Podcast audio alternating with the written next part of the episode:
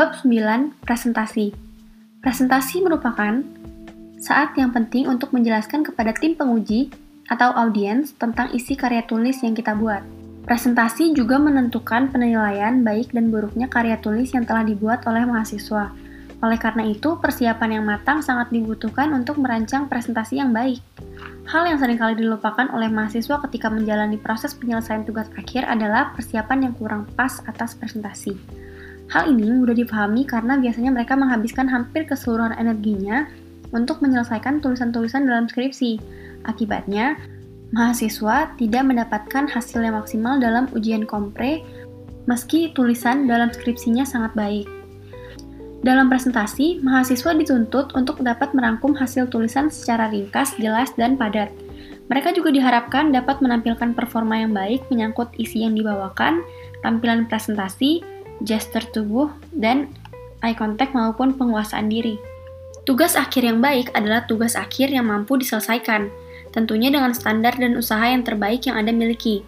Berkaitan dengan isi yang dibawakan, Presentasi diharapkan dapat benar-benar mensarikan di mana saja informasi yang sangat penting untuk ditampilkan. Hal ini menyangkut juga bagaimana presenter dapat mempersiapkan isi presentasi dengan alur yang baik dan tidak membosankan. Satu hal yang diperhitungkan berkaitan dengan isi yang dibawakan, presenter diharapkan tidak mengeluarkan atau memaparkan materi-materi di luar koridor skripsi serta tidak melemparkan bola panas atau statement-statement yang meragukan atau menimbulkan pertanyaan yang sulit. Selanjutnya, adalah komponen tampilan presentasi, yaitu bagaimana presenter dapat mendesain setiap slide dalam presentasi secara menarik. Hal ini menyangkut pemilihan kontras warna, pemilihan font yang tepat, serta background yang mendukung. Dalam komponen gesture tubuh dan eye contact, penyaji diharapkan dapat membawakan presentasi dengan kontrol volume yang cukup. Selain itu, kepercayaan diri yang penuh juga harus dipupuk agar dapat membantu menciptakan performa yang baik. Terakhir, penguasaan diri. Dalam menciptakan penguasaan diri yang baik, tentu saja harus dibekali dengan persiapan dengan sering mereview atau membaca tulisan dalam skripsi, serta menambah membaca dan memahami literatur-literatur yang digunakan dalam tulisan. Berikut ini merupakan uraian singkat mengenai isi yang dibawakan dalam presentasi, antara lain pendahuluan, isi, dan penutup.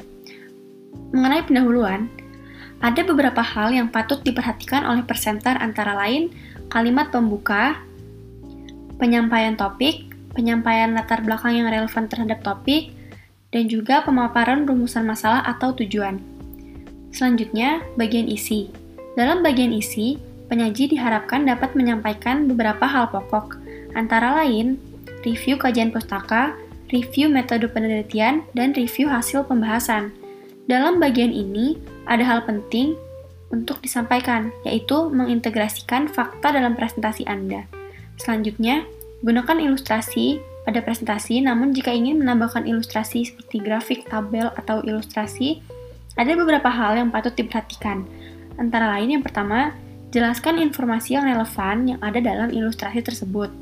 Kedua, berikan judul dan referensi sumber dari ilustrasi yang ada. Selanjutnya bagian penutup. Di bagian penutup ada beberapa hal yang perlu untuk disajikan dalam presentasi. Antara lain, ringkasan tujuan atau proposisi, ringkasan isu yang didiskusikan, ungkapan terima kasih, dan jangan memasukkan informasi baru pada bagian kesimpulan. Di bagian kesimpulan, itu merupakan bagian hampir akhir dalam proses penyelesaian tugas akhir. Dalam tahapan ini, penyaji diharapkan dapat mempersiapkannya dengan baik sehingga para penguji dapat lebih diyakinkan terhadap baik tidaknya performa kita.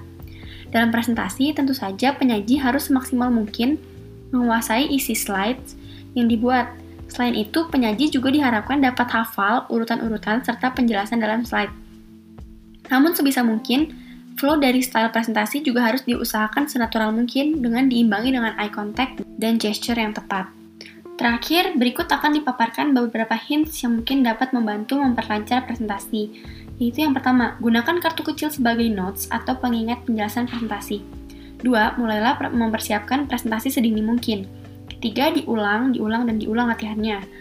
Keempat, mengerti secara menyeluruh presentasi Anda akan dapat mengontrol nervous. Yang kelima, lihatlah audiens atau penguji. Keenam, pastikan waktu presentasi sesuai dengan yang dijadwalkan. Yang ketujuh, ambil nafas panjang karena nafas panjang akan mengurangi nervous.